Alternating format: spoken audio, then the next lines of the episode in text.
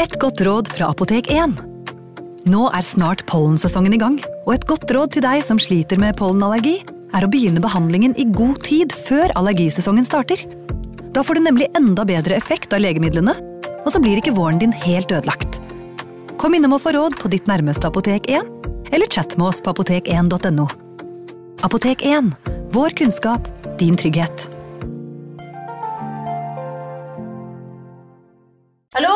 Jeg kommer fra Oslo politikammer.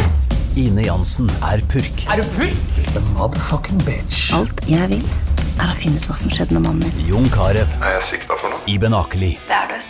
Ole So, Lars Berrum og Big Daddy Karsten. Hvem sin side er du på, egentlig? Anette Hoff, Tone Danielsen, Kommer du fra Afrika? Jørnis Josef, Nesten. Kløfta. Trond Espen Seim, Det er synd å si det, men det var feil mann som døde. Purk. Premiere tirsdag på TV2 Play. Advarsel. I denne podkasten vil du høre historier basert på informasjon programlederne har funnet selv. Programlederne står ikke nødvendigvis inne for meninger og syn som fremstilles. Noen påstander kan avvike fra virkeligheten.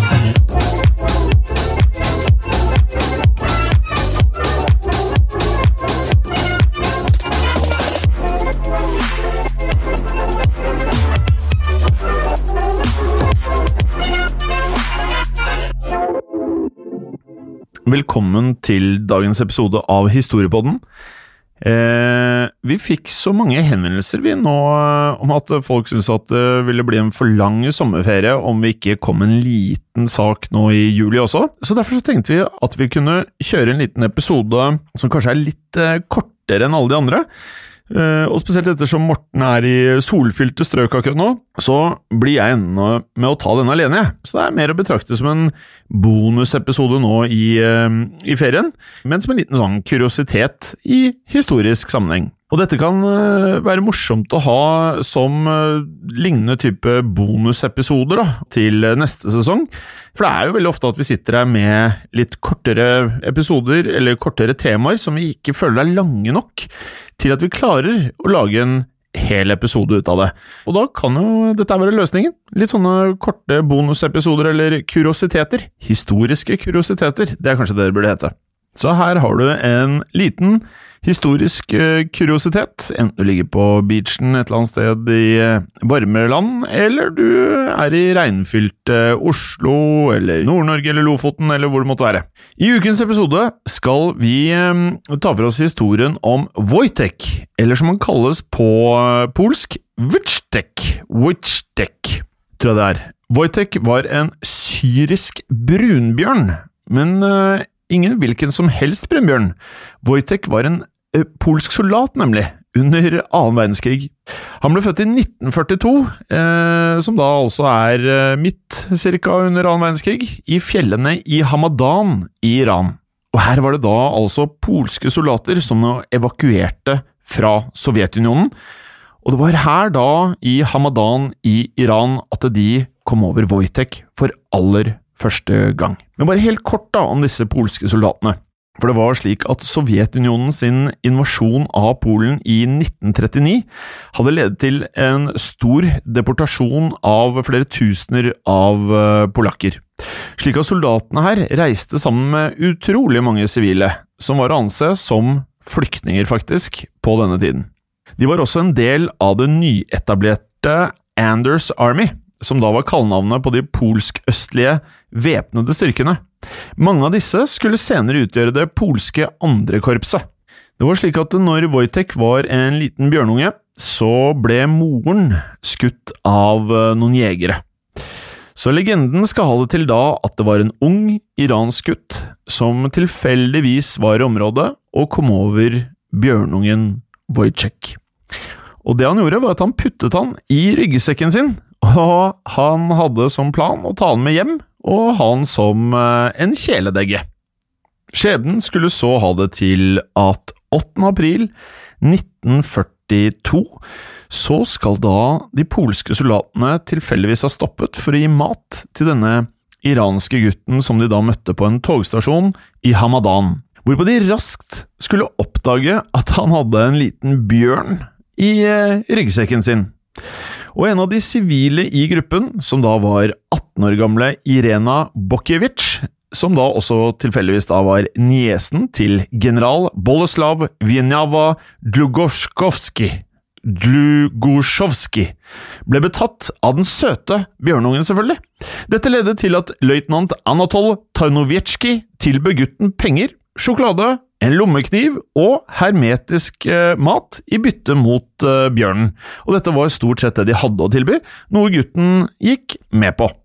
Wojtek tilbrakte så de neste tre månedene i en eh, flyktningleir som var satt opp da i Teheran, og da selvfølgelig med Irina, som fungerte som moren til Wojtek. I august ble Wojtek donert til det andre transportkompani, som senere ble gjort om til det 22. artilleriforsyningskompaniet. Det var også her han fikk navnet sitt, for de andre soldatene ga han navnet som de mente passet han aller best, som var selvfølgelig da Wojtek, som betyr den glade krigeren. Wojtek var fremdeles i denne perioden en bitte liten eh, bjørnunge. Wojtek skal ha hatt veldig store problemer med å svelge. Eh, spesielt det å få i seg eh, mat var et problem, og det de da gjorde, var at de helte melk i en vodkaflaske. Angivelig uten sprit, og da var det slik at tuten passet veldig godt til Wojtek sin munn. Og dette var første tegnet på det at Wojtek da fikk mange menneskelige attributter, eller egenskaper, om du vil.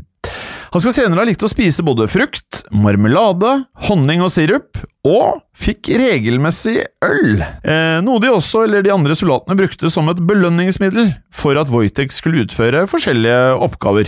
Og Dette minner meg kanskje litt da om et av favoritt-eventyr-fantasy-filmene mine, som heter The Golden Compass, også en bok, der en av krigsbjørnene kalt York Bjørnison, drakk store mengder øl, eh, og hvor han også da ble avhengig av å drikke øl, og hvorpå da heltene i filmen måtte avvenne York for at han da skulle bli den krigeren han en gang var. Føles som han er inspirert av Wojtek her. Men Wojtek sine menneskelige smaker endte ikke bare med maten og øl.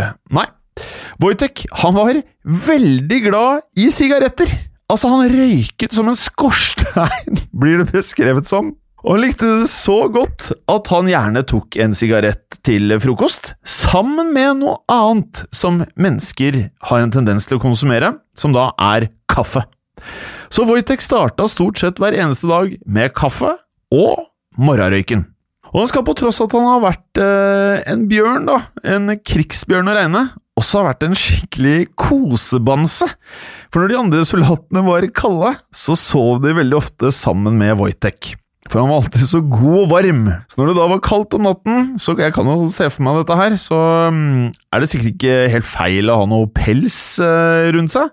Og det ble da Wojtek. Samtidig så var jo Wojtek en bjørn, uh, og få ting likte han mer enn å bryte og lekeslåss med sine medsoldater. Alle disse menneskelige attributtene gjorde at han ble utrolig populær blant eh, alle rundt han, spesielt soldatene, men også selvfølgelig sivile. Han ble derfor med tiden den uoffisielle maskotten til alle i eh, divisjonen, og også divisjonene i nærområdet. Det ble da også laget emblemer og flagg med Wojtek på, som bærer artilleri. Noe vi selvfølgelig i Historiepodden håper vi klarer å finne bilder av, og som er mulig å legge ut på Instagrammen vår. Så jeg kan minne om det, det er jo Morten som vanligvis er best på dette her. Det er da Historiepodden Norge på Instagram, og på Facebooken vår Historiepodden Norge der også. Sammen med Det 22. kompani flyttet Wojtek til Irak, og senere til Syria, også Palestina, og så til Egypt. Og her var det soldatene merket at han i økende grad kopierte deres væremåte. Ikke bare spiste Wojtek og drakk det samme som dem, men han begynte også etter hvert å marsjere på to ben, fordi han da så at alle de andre gjorde dette. Så den lille bjørnungen skal på denne tiden ha vokst eh, voldsomt, og frem til slaget i Monte Casino, som by the way kommer til å bli en egen eh, episode, så veide Wojtek nesten 100 kilo her. Som vi har hørt her nå, så blir jo disse polske soldatene fraktet mellom forskjellige land, og ganske mange på en kort periode. Og ett incident blir beskrevet her eh, spesielt, hvor da britene, altså britiske transportbåter, skal frakte de eh, polske soldatene, hvor de får beskjed om at de kun slipper om bord om de er soldater, og Wojtek var jo ingen soldat på dette tidspunktet. Og da kan man jo tenke seg til, hva velger den polske hæren da å gjøre? Jo, de gjør Wojtek til en soldat av den polske hæren. Av det andre korpset fra Egypt. Og dette her var også de samme soldatene som skal være med britene, altså den britiske armé, og krige i Italia. Det var jo ikke lov med dyr og maskotter i den eh, polske hæren, så da måtte Wojtek få en verge. Og dette ble Henrik Zakarevitsj og Dimitri Zalugo. Eller Dimitr Zalugo. Som soldat fikk Wojtek egen lønn av militæret, og et eget registreringsnummer, som betydde at Wojtek da hadde penger til å handle for. Og han bodde også sammen med de andre soldatene i telt. Det vil si, sånn jeg har forstått det, så bor han da i telt, ikke, ikke alene, men med andre soldater, som høres helt rått ut. I slaget ved Monte Cassino skal Wojtek ha hjulpet til i krigen også, han bærte svære 45 kilos kasser med artilleri, og 45 kilo kan jo høres ut som det ikke eh, er all verden, men her skal man huske på at dette skulle bæres veldig forsiktig, og ting måtte ikke mistes for å unngå store, store ulykker. Og eh, slik storyen går, så er det da eh, sånn å forstå at Wojtek da aldri slapp noe, og han var utrolig forsiktig med måten han bærte disse artillerikassene på. Og det, det jeg bitt meg mest fast til, er at han fikk aldri beskjed, visstnok, om at han skulle gjøre noe som helst i militæret. Eh, det han gjorde, han bare imiterte de andre soldatene og alle andre som var rundt han. Så når han så at de andre bar eh, kasser for harde livet, så ville han gjøre det samme. Forskjellen var bare den at det vanligvis tok fire soldater for å bære en slik kasse, mens Wojtek han bærte hver eneste kasse alene, han. Ettersom han var den desidert mest effektive soldaten til å bære disse artillerikassene, fikk han senere også oppgaven i å stable de bakpå eh, lastebiler. Eh, noe han gjorde så effektivt at han ble forfremmet, og Wojtek var nå å anse som en korporal. Hovedkvarteret la også merke til at eh, populariteten til Wojtek vokste enormt, og at flere og flere visste hvem han var, og han ble nesten sett på som noe som var motiverende for de andre i eh, den polske æren. De valgte så å bruke han til forskjellige emblemer, som nevnt. Blant annet ble emblemet med Wojtek på det offisielle emblemet til Det 22. kompani, og det sier litt om hvor populær og også hvor kjent Wojtek var på denne tiden. Etter den annen verdenskrig i 1945 så ble det 22. kompani, og selvfølgelig da også Wojtek, transportert til Berkwickshire in Scotland. De ble da stasjonert på Winfield Airfield på Sunwick Farm i nærheten av Hutton. Her ble Wojtek, som alltid, raskt populær blant både de lokale og selvfølgelig også pressen. Den skotsk-polske kulturelle organisasjonen gjorde han også til et æresmedlem. I 1947 så ble det 22. kompani demobilisert, og Wojtek han ble gitt til Edinburgh zoologiske hage, hvor han tilbrakte resten av sitt liv. Han ble ofte besøkt av journalister og polske soldater.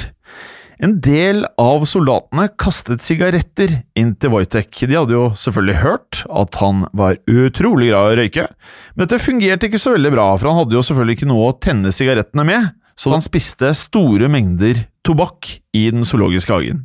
Wojtek sin eh, kjendisstatus fortsatte i enda større grad enn når han faktisk var en del av den polske hæren, og medieoppmerksomheten gjorde jo at BBC ofte hadde han med i et TV-program kalt Blue Peter, som var et barne-TV-program. Og slik var historien om kjendis slash militærbjørnen Wojtek. Han skulle bli 21 år gammel og døde desember 1963. Og med det så har vi den virkelige siste episoden av eh, sesong én av Historiepodden. Om en kort time så kommer jeg til å starte med akkurat det samme som eh, Morten driver med, og det er å slappe av i solen. Vi ønsker med det alle som hører på, enten du ligger på en strand i et varmt land, eller du er oppe i nord i Norge og det kanskje ikke er så varmt, eh, eller du gjør et eller annet annet, så ønsker vi dere riktig god sommer. Vi høres etter sommeren, men før det, igjen vi må bare takke så mye for alle de hyggelige henvendelsene, og ikke minst det som har vist seg å være utrolig viktig for Historiepodden, det er bidragene deres, altså det dere kommer med av forslag til episoder. For hvis jeg ikke har telt helt feil, så tror jeg vi med denne da er oppe i at halvparten av episoden av sesong én faktisk er fra dere lyttere. Og det eh, sier jo litt om hvor eh, fint det er hvis dere fortsetter med nettopp dette, å komme med forslag, selv om det nå er i ferien. Så DM oss gjerne på Instagram, altså Historiepodden Norge, eller på Facebook-kontoen vår, som også er Historiepodden Norge. Fortsett veldig gjerne å rate oss på iTunes, det er superviktig for oss. Eh, vi nærmer oss vel 500 ratinger, tror jeg det er, i eh, den stunden hvor jeg sitter i studio. Og husk, det har skjedd, og det kan skje igjen.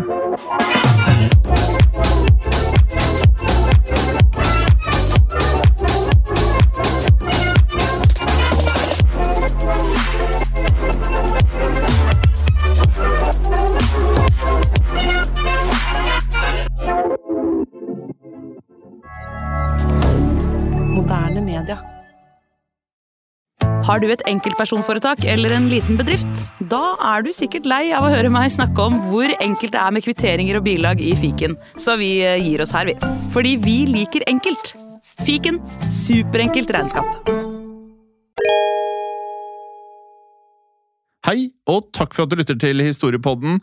Skulle du ønske at du kunne høre en ny episode av Historiepodden hver eneste uke? Vel, da er det én ting å gjøre. Da kan du laste ned podkastappen Untold med det samme. For i tillegg til ukentlige episoder av podkaster som Historiepodden andre verdenskrig, Henrettelsespodden og også Gangsterpodden, så får du masse annet reklamefritt og også eksklusivt innhold. Last ned Untold i AppStore eller Google Play og start din 30 dagers gratis prøveperiode allerede i dag.